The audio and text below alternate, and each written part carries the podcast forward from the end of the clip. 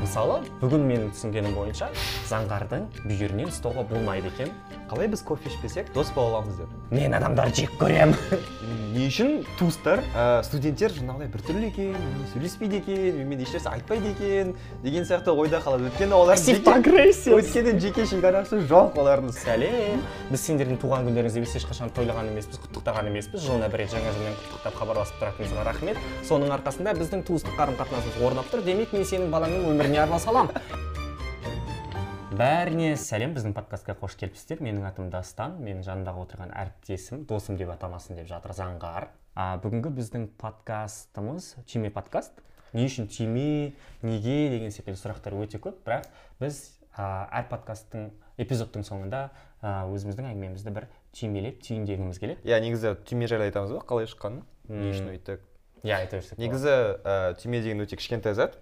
Ә, тура біздің талқылайтын заттарымыз сияқты. Бірақ ол өте үлкен маңызды ә, функциясы бар.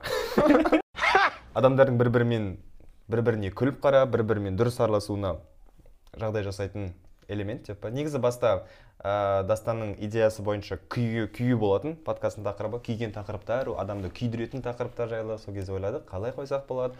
Сосын күй сандық деп ойладық сосын күй сандық че то біртүрлі болып қалды. Не үшін күй сандық? Сосын бірақ әдемі болды иә күй. Иә, иә. андай ұйқасы. Сосын сосын күйме болды. сосын күйме қалдық. Сосын ақыр соңында түймелеу болды да. И түйме қылайық дедік. Бәрібір біз түйме дейді түйедей қылып етіп көрсететін адамдармыз. Түйме подкасты сіздерге не туралы айтады бұл не туралы болады деген сұрақтарға жауап берсек бұл а, эмоционалды интеллект жеке қарым қатынастар жеке шекара адамның өміріндегі болып жатқан және де өзгені түсіне білу әлеуметтену иә қабылдау иә. әлеуметтену. А, не туралы тыңдайтыныңыз белгілі бірақ бұл подкаст кім туралы деген сұраққа жауап берсек қазіргі қазақ қоғамындағы әрбір адам туралы делік иә барлығы туралы. Барлығынан барлығы жайлы. Және әрқайсының әр адамның өмірінде болатын жағдайлар әр адамның өмірінде білетін білмейтін жағдаяттардың барлығын қарастырып және де әр адамның өмір сүруі үшін өте қатты маңызды жеке шекара. Бірінші тақырыбымызды айтып қойды бірінші подкасттың эпизодтың тақырыбын. Жалпы ол туралы естіген боларсыздар. Ә, білмеймін енді қазақ тіліндегі тура баламасын таба алған жоқпыз. Бірақ десе де жеке шекара орыс тілінде айтқан кезде личные границы бұл біз үшін өте қатты маңызды не үшін маңызды екенін осы эпизодта талдай жатармыз. Бірақ ең әуелі айтқымыз келетіні жеке шекара ол физикалық тұрғыда болуы мүмкін ол ә, қосымша менталдық тұрғыда болуы мүмкін әртүрлі иә психологиялық шекара деген секілді. Адам сені түртуі мүмкін сөйлеуі мүмкін әртүрлі жағдайлармен жеке шекараны бұзуы мүмкін. Бірақ десе де ә, заңғар екеуміздің осы подкастты бастауымызға үлкен себеп болған нәрсе ол біздің жеке шекарамыздың көп бұзылуы. түк қалмауы делікші жеке шекарамыз. Ол үйдің кіре берісі секілді бар ғой. Әркім кіреді шығады кіреді шығады. Есікті жауып шаршап кетесің кейде бар ғой. Бірақ сондай. жеке шекара туралы андай лекция оқудың қажеті жоқ өйткені бәрі біледі. Оның не екенін және ал, бәрі және бәрі ә, бәрінде болатынын біледі. Бірақ оның шекарасын түсінбейді және оның не не не үшін керек екенін де дұрыс бағалай білмейтін сияқты ал адамдар ол ше. не ал жеке шекара? Жеке шекара ол мен үшін өзімді қауіпсіз сезінетін өзімді ә, еркін сезінетін және ол аралықта менде әлі таңдау бар екенін білетін өзімнің кеңістігім. Жалпы адамды жайлы сезіндіретін жеке кеңістік. Иә ол жақта мен өзімді жайлы сезінемін және мен әлі ол жақта ойлана аламын шешім қабылдай аламын және ол шешімдерім үшін толықтай жауапкершілік ала аламын. Иә иә ең бастысы Иә. сен қауіпсіздік сезінесің қауіпсіздік. Сезінемін иә. Мен үшін тура осылай бірақ мен жеке шекара бұзылған кезде адам не сезеді деген сұраққа жауап берейінші одан да. Адам үрей сезінеді қорқыныш сезінеді уайым сезінеді және а, жағымсыздану білмеймін адамдармен көп араласудың арқасында мен өте көп жынданамын. Адамдарды жек көремін деп айтатын менің цитатам. А, білмеймін әрбір адам дастан танитын адамның құлағында бар шығар. Бірақ десе де санасында жаңғырып тұратын сол сөз мен адамдарды жек көремін I hate you so, so much. неге? Неге мен адамдарды жек көре, жек көре бастадым деген сұраққа жауап берейінші. Өйткені адамдар көбінесе менің жеке шекарамды қатты бұзады. А, ол қалай? Сөйлескен кезде түртуі мүмкін мені жұмыстан беймаз уақытта мені мазалауы мүмкін үйде бұзуы мүмкін орынсыз сұрақ қоюы мүмкін орынсыз әрекет танытуы мүмкін. Енді ең қызығы жеке шекараның бір қырсықтығы әр адамның жеке шекарасы әртүрлі. Иә. соны бірден атап өткенім үшін. Ә, біреу үшін басқа адамның иығынан ұстау өзін сипалау құшақтау қалыпты жағдай болса кейбірі үшін ол мүлдем қорқынышты нәрсе болуы мүмкін. Мысалы бүгін менің түсінгенім бойынша заңғардың бүйірінен ұстауға болмайды екен иығынан ұстауға болмайды екен. Ұстауға болады деп жазып адамдар бүйірінен? Ну меніңше иә суретке түскен кезде бүйірінен ұстап түсесің ғой сол кезде а иә вот осы жер ұнамайды маған. Жаңа айтып өтті бұзған кезде не болады? деп. Оның екінші жағы да бар. Біріншіден адам өзін а, адамдарды жек көруі мүмкін. Мхм. Болмаса өзін жек көруі мүмкін. Өйткені адамда бұл жерде түк қалмайды яғни өзінікінен түк қалмайды сенің жеке ә, біріншіден саған біреу келіп ақыл айтады. Ол тоже жеке жеке жеке шекараңды бұл бұзу. Яғни сенің өзіңнің ойың қалмайды өзіңнің таңдауың қалмайды өзіңнің жеке кеңістігің қалмайды. Манипуляторлар қасында көбейіп кетеді. Мхм. Яғни сені бір, бір нәрсеге айдап салатын сені бір жаққа сүйрейтін сені бір жаққа әсер ететін саған. Осы кезде адамда жаңағыдай бір, бір кезде дастан сияқты сен адамдарды жек көруі мүмкін а бір кезде сен өзіңді жек, жек көруі мүмкін. Жақсы осы жерде сұрақ. Жеке шекара деген бір қатып қалған заң емес қой? Ол бәрінде бірдей емес қой? Яғни бәрін бірдей қолынан ұстауға болмайды бәрін бүйтуге болмайды сөйтуге болмайды деген секілді қылып ажырата алмайсың. Әр адамға қатысты әр адамдікі әртүрлі иә. Мысалы мен достарыма өзімді ұстауға рұқсат етемін. Құшақтауға рұқсат етемін. Таныс емес бейтаныс адамдар қолымнан ұстаса да мен біртүрлі сескенемін. Әсіресе көшеде жол сұрап жатқан кезде автобуста біреу бүйірімнен қолымнан ұстап қалып сұрайтын болса әңгіме сөйлес әңгіме айтып жатқан кезде сөйлесу барысында ұстайтын болса мен өте қатты ашуыма тиеді ол. Сол секілді айтқымыз келетіні жеке шекара деген әр адамға қатысты әртүрлі болады. Достарға туыстарға жақындарға деген секілді. Сол себепті оның барлығы бірдей деп айтуға болмайды. Бірақ өте қатты маңызды нәрсе ол өзіңе сол сұрақты қою. Қоя мен қандай жағдайда өзімді ыңғайлы және қауіпсіз сезінемін? Және кіммен қандай жағдайда өзімді қауіпсіз және ыңғайлы сезінемін деген секілді. Ол бейтаныс адамдар болсын таныстар достар жақын туыстар туыстар деген секілді. Маңызы жоқ. Осы адамдардың барлығымен қарым қатынасыңыздың ыңғайлы шекарасын анықтайтын болсаңыз сіздің жеке кеңістігіңіз осы және оны бұзған жағдайда өзіңіз де байқап жатасыз. Беймаздық пайда болуы мүмкін ашулануыңыз мүмкін маңызы жоқ. Бірақ ішкі үрей көбеюі мүмкін заңғар секілді басылып қалуыңыз мүмкін ә, манипуляцияға ұшырауыңыз мүмкін маңызы жоқ. Бірақ десе де сіз қандай әсер, әсер алатыныңызды түсіндіңіздер деген ойдамын. Иә жаңағыдай әр, әр адамға әртүрлі болады секілді ең қарапайым мысалы мысалға мен телефонмен сөйлескенді жек көремін біреу звондаса. Мен ә, онымен дауысын естігім келмейді адамның өйткені ол жаңа менің әлемім менің үйім болса менің есігімді теуіп кіру ол біреудің біреудің менің құлағымда сөйлеп тұруы. А бірақ мамаң звондаса ол жұмыс істемейді да ол ереже.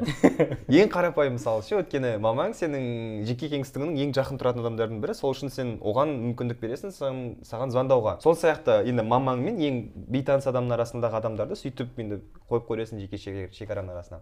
Енді осы жерде а, бұл не үшін керек? Ә, қандай қажеттілік бар? жақсы. Жеке шекара адамның өмірінде болуы маңызды және ол шекараны анықтау да өте қатты маңызды. Себебі осы арқылы сіздің кез келген әлеуметтік қарым қатынасыңыз орнайды ол бір екі сіздің психологиялық тұрақтылығыңыз өз өзіңізді жақсы сезінуіңіз жайлы сезінуіңіздің бәрі жеке шекараға байланысты. Және де келешекте сіздің абьюзер досыңыз екінші жарты жартыңыз болатын болса абьюзер серігіңіз манипулятор болса сіз соны сезіне жатасыз және ондай адамның жетегінде кете бермейсіз. Сол кетпес үшін сізге жеке шекараның болуы өте қатты маңызды.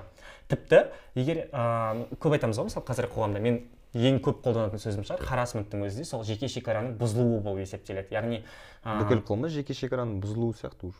Иә сол харас. Яғни харасмент ол жеке шекараның бұзылуы.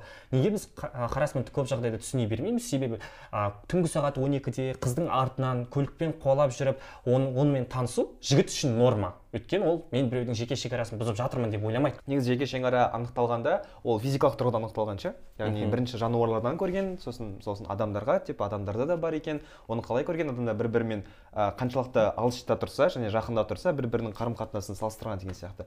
Яғни ол жануарларда да болса біздің адамдарда да болса жеке шекара да тамақ жеу ұйықтау тағы да басқа қажеттіліктерді орындау сияқты бұл біздің физикалық қажеттіліктер қажеттілігіміз. Яғни бұл адамға адам болуға көмектеседі. Яғни ол өзінің территориясын сақтауға ол өзінің меншігін ем- иемденуге және ең бастысы ол өзінің әлемін яғни бұл әлемнің ішінде оның ойлары көзқарастары оның қорытындылары ә, ұстанымдары құндылықтары осының барлығы сол әлемнің ішінде тұрады.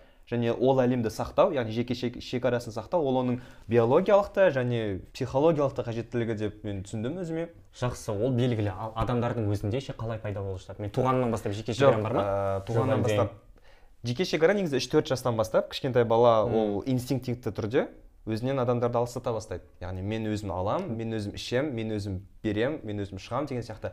Оның ең пигі ең жеке шекараның ол жасөспірімдік кез. Мхм. Яғни менің өміріме араласпаңдар есігіңді қағып кіріңдер бұл осы кезде жеке шекараның ә, мүмкін саналы мүмкін бейсаналы түрде шығатын кезі.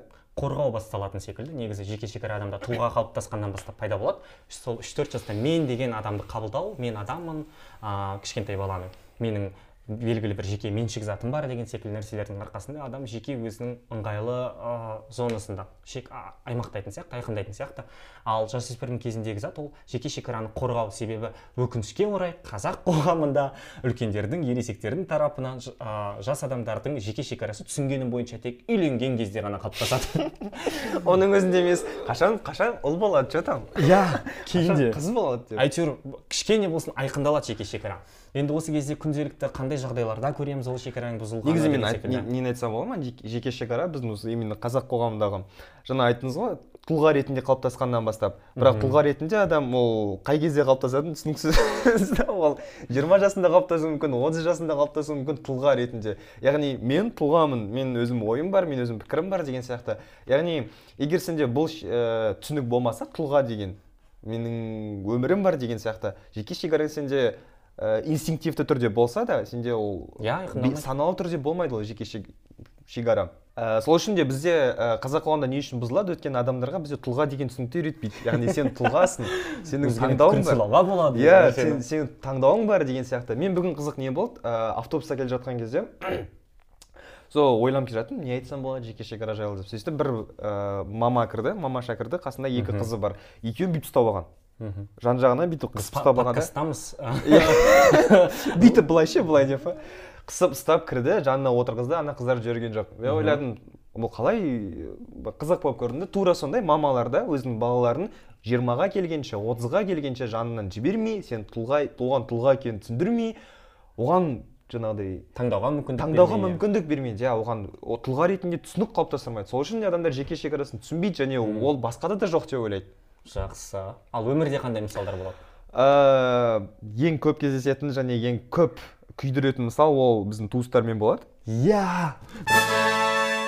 Өйткені қазақ қоғамындағы жеке шекараны бұзушы ең бірінші абьюзер және харасер әлеуметтік топ ол кімде? Туыстар. Дұрыс. Бір қызығы туыстардың да өзінің жеке шекарасы болады да. Мысалға ә, менің отбасым бар менің ағам бар одан кейінгі ағам бар ту нем бар жаңағы. Олардың өздерінің әрқайсысының майда отбасылары бар. Иә деген сияқты. Әртүрлі адамдар болады. Да бірақ ең жының келетіні олардың барлығы өзінің жеке шекарамыз бір уровеньде тұрмыз деп ойлайды ше. Яғни менің ә, бір жақын туысым келіп айтқан бір әңгімені маған ә, болмаса бір ұс- ұсынысты болмаса бір өтінішті басқа бір айдаладан келген туысым айтады. Ол маған біртүрлі да. Мысалға мен оны вообще көрмегенмін ал оның бар басындағы аргументі қандай? Біз туыспыз ғой. Ренжіме мен сені соңғы рет сүндет тойда көргенмін бірақ маңызы жоқ туыспыз ғой. Қанымыз бір тегіміз бір атымыз бір. Сені звондап 15 тұра жылда бір көрсең болыпты не болыпты вокзалдан зат күтіп жіберіп беріп жібер менің балам оқуға түсетін еді қай түссе болады? Біз сендердің үйлеріңде тұра тұрсын деген секілді. Сәлем. Біз сендердің туған күндеріңізді біз ешқашан тойлаған емеспіз құттықтаған емеспіз. Жылына бір рет жаңа жылмен құттықтап хабарласып тұратынымызға рахмет. Соның арқасында біздің туыстық қарым қатынасымыз орнап тұр. Демек мен сенің балаңның өміріне араласа аламын. Ей сара сенің да балаң ана жақта инстада құтырып жүр ғой. Неге өйтеді ол? А деген секілді. Жоқ негізі шын а, өмірдегі андай нақты мысалдардан айтайық. Қалай бұзылады деген секілді. Менің мама ренжімеңіз тыңдап жатсаңыз бірақ тыңдамайтын шығар деп па? Рүстем «Ей, тыңдатпама мама деп бірақ десе де ә, менің жеке шекарамның бұзылуы күнде. Күнде менің бөлмемнің есігін кәдімгідей тықылдатпай бүкіл адамдар кіре береді. Открой дверь! Құдайға шүкір жақында сыңарым келін түсірді үйге соның арқасында бір адам болсын менің жеке шекарамды үйде құрметтейді. Жалғыз адам бар ол бөтен отбасыдан келсе де отбасымыздың жаңа мүшесі болып жатса да әйтеуір бөлмеме есікті тықылдатып кіреді ғой. Мен үшін мына дыбыс арман үйде. Ау дейсің ғой осы сөзді айта алмаймын бар ғой. Мен үшін үлкен қуаныш әшейінде бұл кәдімгідей сен тыңдап жатрсың ба киім ауыстырасың ба маңызы жоқ әрқайсысы есікті ашып кіреді да әңгімесін айтып жатады бірдеңесін істейді кете салады. Әсіресе мамамның күнде істейтіні дастан түске дейін ұйықтап жата бергеннен кейін мен сенің бөлмең неге тас қараңғы терезеңді ашсайшы пердеңді ашсайшы. Мама маған тас қараңғыда отырғаның ұнайды маған жай ғана солай жайлы мен күнді жек көремін тас қараңғы отырсам ол қойшы жұрттың бәрі кіретін болатын болса көрсе үйдің бәрі тас қараңғы болып тұрғаны жаман, жаман ғой? Жап жарық болып жайнап тұрмай ма? Менің бөлмеме не үшін кіреді ол қонақтар? Одан қалатын болса мә тағы да келесі нәрсе. Мама сұрайсың неге? Есікті қақпайсыздар десе енді сен әйел алып бердің соншалықты есікті қағатындай деп. Сонда менің жеке шекарам үйде сақталу үшін мен әйел алып келуім керекпін. Яғни қатынсыз еркек ад- адамның шекарасы мүлдем жоқ бар ғой ше. Бірақ соны мысалы тексеріп көрдім. Шынымен де сыңарымның бөлмесіне енді бәрі есікті тықылдатып кіреді. Өйткені оның әйелі бар. Ол ол жеке шекарадан емес меніңше ол басқа себептен тықылда маңызы жоқ маңызы жоқ. Бірақ дегенмен де оның шекарасын құрметтеп жатыр. Ол адамның сені тыңдауға зауқы уақыты қалауы болмауы мүмкін екендігін адам ескеріп тұр. Ол керемет. Мысалы дастанда ол комната бар. комната бар екен жеке бөлмесі бар екен. Ә, мен негізі алматыда тұрмаймын бірақ алматыда әпкемнің үйінде тұрамын. Менде жеке бөлме жоқ. Естественно менің бөлмем ол залдағы қонақтар отыратын столдың бір бұрышы. Соның жаңа ә, бөлме деген есікті қақ бір деп әрине айта алмайсың. Өйткені ол зал ол балалар ол, ол, ол балалар ойнайтын жер ол білмеймін кино көретін жер ол карта ойнайтын жер ол тамақ жейтін жер. В общем ол проходной двор. Меніңше заңғардың басындағы жағдаят ол қазақстандағы әрбір үшінші студенттің өмірінде Иә. болатын жағдай үшін Ә, сол үшін де м, не үшін туыстар ә, студенттер жаңағыдай біртүрлі екен менімен сөйлеспейді екен менімен ешнәрсе айтпайды екен деген сияқты ойда қалады. Өйткені олар өйткені жеке шекарасы жоқ олардың. Сол үшін де ол өзінде бар шекараны қорғауға тырысады. Мен қауқарсыз құлмын ол хотя бы звонокын тыюға тырысады ол хотя бы инстаграмын жасыруға тырысады. Тіпті мен ә, мен ұзақ уақыт күрескен мен туыстарымды инстаграмды жасырмауға бірақ енді қазір жасырмаймын но кейбір достарым бар бәрін блоктап тастаған. Мамасынан бастап. Мен де вот мен де бұғаттап тастағанмын өйткені ол да үйге келген сайын жеке шекараңды бұзамын че там ана пост жазыпсың ғой? иә ана пост неге жаздың сен неге саясат туралы жазасың? Сен неге мына туралы сенің жанында қыздар көп екен иә дастан. Неге солардың біреуімен жүре алмайсың? Күнде кафеде отырасың жүргеннің бәрі отырасың. Жоқ ол егер ол егер сын болса жақсы или там бір мен бір сұрақ болса жақсы сен неге бүйтесің неге сөйтесің прикол ұстайды ғой олар дегенде ше? И кеше мынау бүйтіпті ғой и кеше мынау сөйтіпті ғой деп. И кеше түскен суретін көрдің ба жоқ как көрсетемін деп миллион адам бала өсіп қапты адам болып қапты деп па кәдімгідей. Иә сен ол кезде қалай жауап беруіңді білмейсің? Мен мен шын ондай кезде өзім жайсыз сезінемін. Ұзақ уақыт бойы мен ондай ғана жай ғана үндемей ренжіп басқа бөлмеге кетіп қалатынмын. Кейін өзімнің шекарамды а, қорғауды үйрендім. Осыдан үш төрт жыл бұрын қателеспесем. Мен оның бәрін қара тізімнен шығардым туыстарымның барлығын. А, сосын айтамын тек қана иә маған осылай өмір сүрген ұнайды бұл менің өмірім. Сіз талқылағаннан мен ешнәрсе а, маған бәрібір ешнәрсе өзгермейді. Бірақ десе де а, екеуміздің арамызда қарым қатынас өкінішке орай бұзылуы мүмкін. Сол себепті егер қарым қатынасым сақталып қалсын десеңіз мен айтқан осы жерде айтқан затты ғана талқылаған жөн осы жерде істеген затты ғана талқылаған жөн оның өзіне де мен рұқсат етсем. Басқа Иә. нәрсенің барлығы өкінішке орай шектен тыс шығуы мүмкін. Тағы басқа кім бұзады? Қарапайым мысал маған бейтаныс адамдар сен десе жаман жыныма тиеді яғни егер адам сенен рұқсат етіп дей беруге бола ма десе мен иә немесе жоқ деп шешім қабылдауым мүмкін. Бірақ бірден егер сен деп қарайтын болатын болса әсіресе жасы кіші адам менен жасы үлкен маңызы жоқ. Бірақ бейтаныс адам болса таксиде күнде жүремін сол адамдар сен дейтін болса өте қатты ашуыма тиеді. Себебі мен барлық адаммен сіз деп сөйлесуге тырысамын.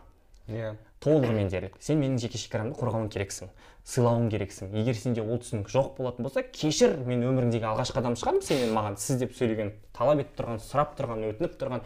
Бірақ екеуміз моншада жалаңаш шомылып көрген емеспіз. Сол үшін маған сен деуге сенің құқығың жоқ. Сіз де. Сен дейтіндей білмеймін енді бір өмірден қиналып бір нәрседен өткен адам секілді. Жаман ашуыма тиеді бар ғой шаш.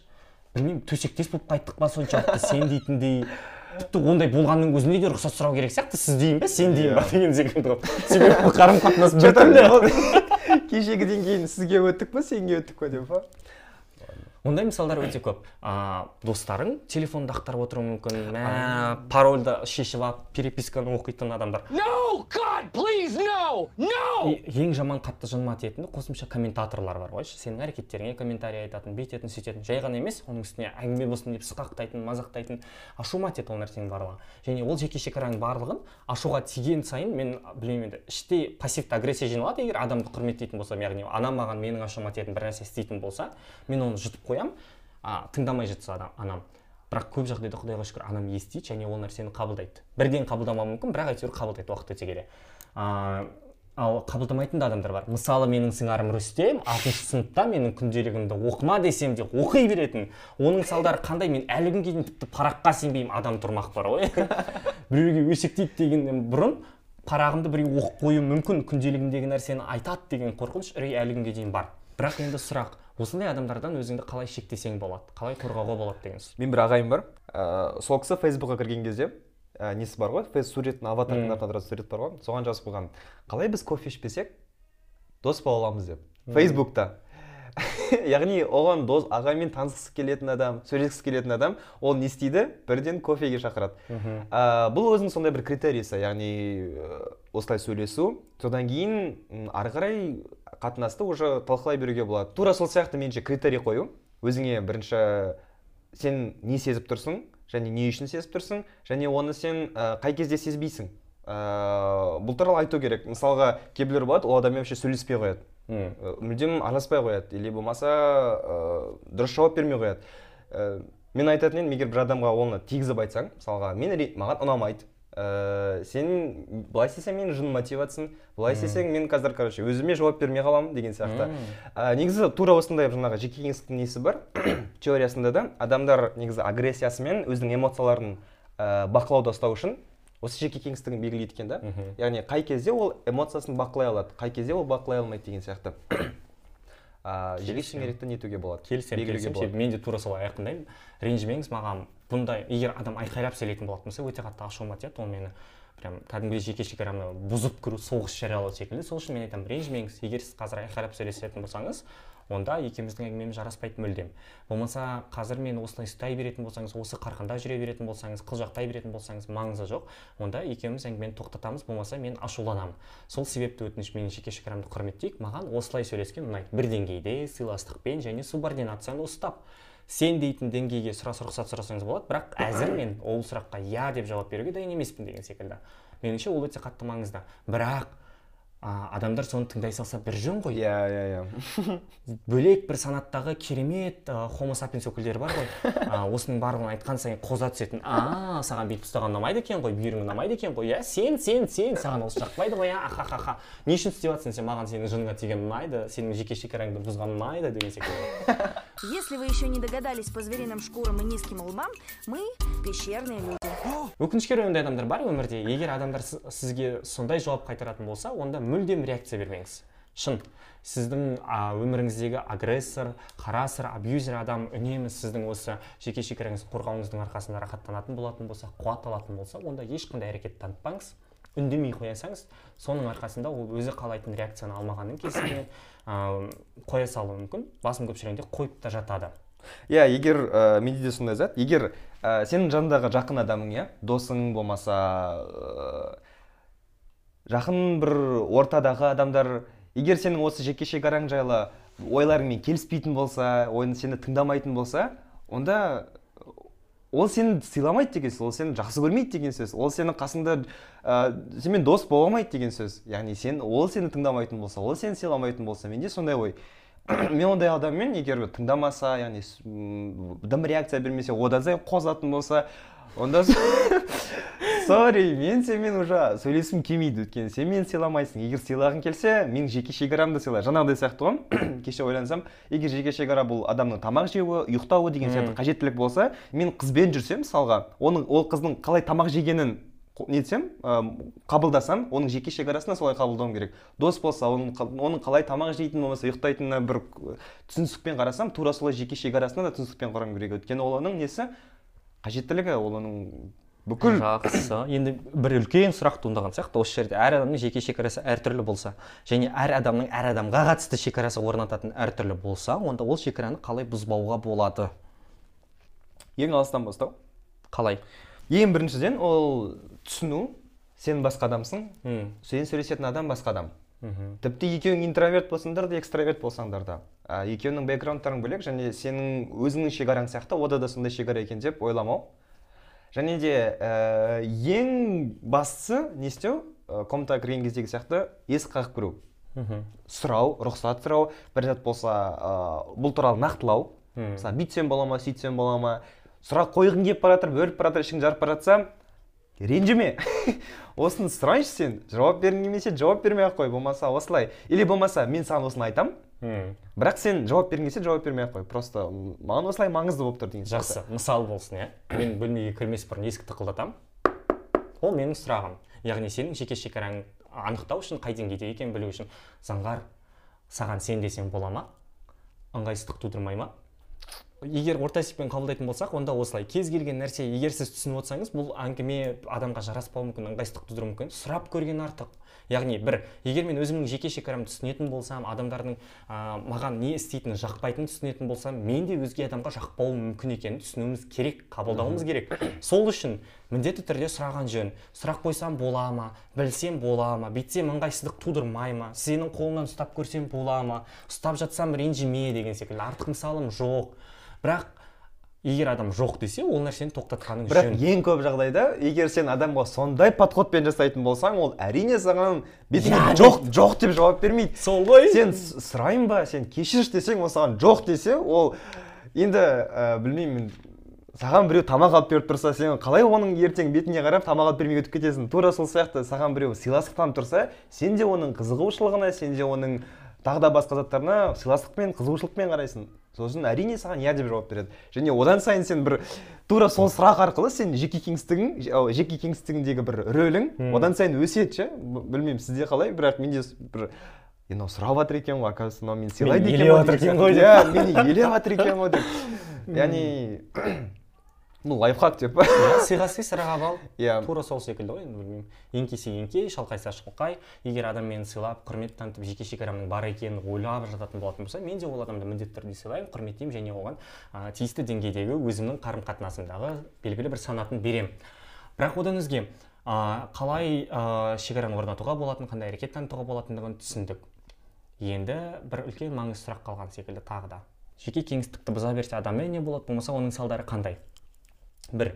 Ә, егер сенің қоғамыңда ә, жеке кеңістікті адам құрметтей алмаса жеке шекараны анықтай алмайтын болса ол қоғамда қара сыр адамдар көп болады абьюзер Иә. манипулятор адамдар көп болады. Яғни бұл ә, дұрыс емес менталдық қарым қатынас дейікші иә бүкіл қылмыс иә зорлық зомбылық иә иә ы, ұрып соғу бір мақала оқыдым кеше. Нені жеке кеңістігіңді бұзу бұл зорлау сияқты дейді да. Иә. тура сол сияқты егер сенің біреу жеке кеңістігің үйіңе бұзып кіріп жатса тура сол сияқты ыыы шын өмірде де сенің үйіңе адам бұзып кіре алады. Ұрып кете алады тонап кете алады болмаса білмеймін харасмент жасап кете алады деген сияқты. Және бүкіл қылмыс дәл осы жеке кеңістіктің деген түсініктен басталады егер сен жақындарыңның өзі заттарыңды ақтарып жататын болса мен үшін ол зорлық зомбылық секілді. Мен солай сезінемін өзімді.